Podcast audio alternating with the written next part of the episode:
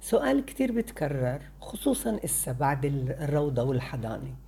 إيه، بتقول هون بنت عندي عمرها سنتين ونص عنيدة معاملتها قاسية مع الأطفال بتشد بشعرهن بدون سبب. وحتى كمان رفيقتها ما خليت طريقة لأمنعها. مرات بتخاف وبعدين بترجع. صبي عمره سنتين بدفش أخوه على الأرض وبشد بشعره بدون أي سبب. كله هيك الشكوى حتى الاستشارة الخاصة الفردية كله بدفش وبضرب وبشد بشعر ومش عارفة كيف أعمل. بدي تفوتوا على التطبيق كشكش. هذا كتير بساعد الأطفال بهذا الجيل. في عنده موسوعات. وقته الطفل هذا الطفل بده حب الاستطلاع عنده فيه فراغ. مش عارف إيش بده يعمل. وعنده كتير بده المعرفة. فأنا بحب كتير موسوعات كشكش. موسوعات كشكش فيها كتير مجالات فيها كتير معرفة فيها كتير تسلية بدل ما إنك تضلك تقولي جربت كل الطرق ومش عارفة بعده برجع بضرب. مرات كتير بيكون لغته محدودة وهذا أنا كتير بسأل عنه بس كان عندي استشارة لا اللغة كتير قوية قبل يومين ثلاثة مخصش إيه، بس فراغ عنده فراغ. هو آه، كتير مثار وبده الكل بده لفت النظر هو عنده شعبيته بده الكل يكون حواليه مثل ما هو بده. بده يكون هو مترأس بده يكون هو آه، آه، لافت نظر. هذا لازم يلتهي لازم نوفر للأطفال بيئة مثيرة. هذا ضروري. إذا كان بالروضة بشكل المعلمين هاي واجب المعلمين واجب المربيات مش واجبك. انت معكيش ريموت كنترول تقولي له ما تضربش لما تروح متأسف ماما بقول لك لا أنا مش رح أضرب. هو بعده مش موجود بهاي التجربة. أهم إشي ما يخل... نخليهنش بفراغ. هاي بالنسبة لتطبيق كشكش. آه، آه، لا يرتب ألعابه كشكش يفتش على القمر يساعد النمل. هاي كشكش في الروضة كل هذا ممكن إنه يعمل له هيك ملء فراغ وما يبطل الفراغ مفسدة ويمد إيده ويضرب. الشغلة الثانية كمان المهمة لإلك ماما هي إنه ما تنهي النهي بخليه يكرر. ليه؟ لأنه هذا السلوك حقق لي رغبة ماما. أنت انتبهتي أنت نبهتي حتى لو صرختي حتى لو زعلتي مني الماما مركزة على هذا السلوك. ياي بدي أكرره نبهتها خليتها تكون مربوطة فيي. فأنت شو واجبك؟ واجبك تمدحيني ماما. كيف؟ استبقي قبل ما أضرب. أنت شفتي إن أنا فاضي؟ عم بدي أدفش أخوي بتقولي على الأرض وأشد بشعره. استبقي الحدث.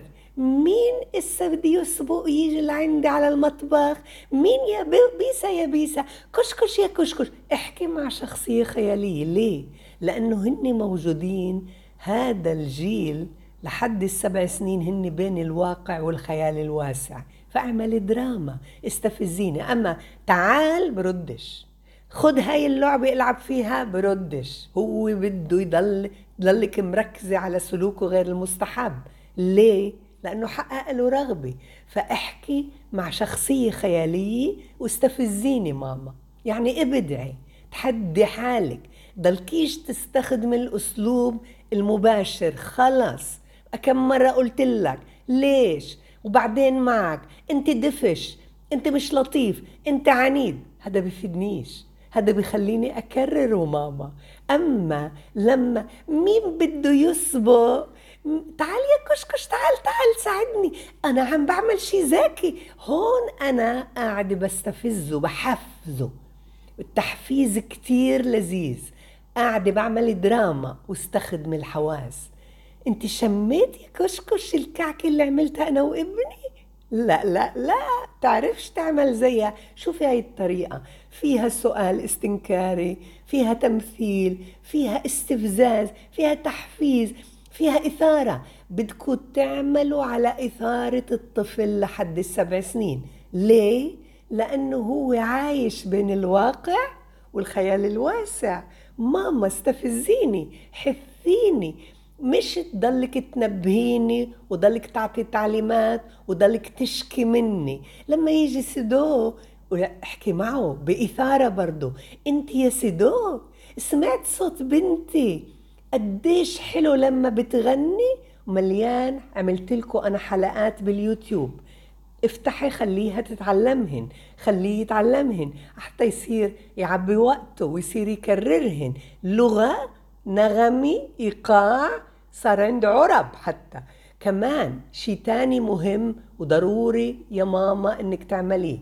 تفتحي تطبيق كشكش وخليه يسمع سردي. السرد بخليه يربط مع واقعه. يي كشكش مش لطيف. كشكش عنيد. يا كشكش يا عنيد. إيه كشكش شقي.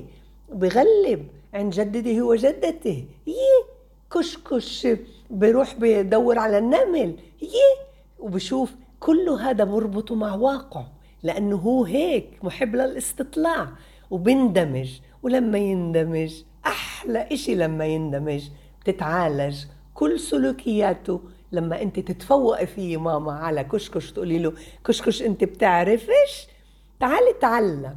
وخدي أنا أتعلم القراءة واحد. كتير فيها مواضيع بتخص هذا الجيل ويوم ورا يوم بتصير تشوفيني ماما صار عندي عادي سلوك المستحب وتلاشت قضية الضرب اللي مش مقصودة.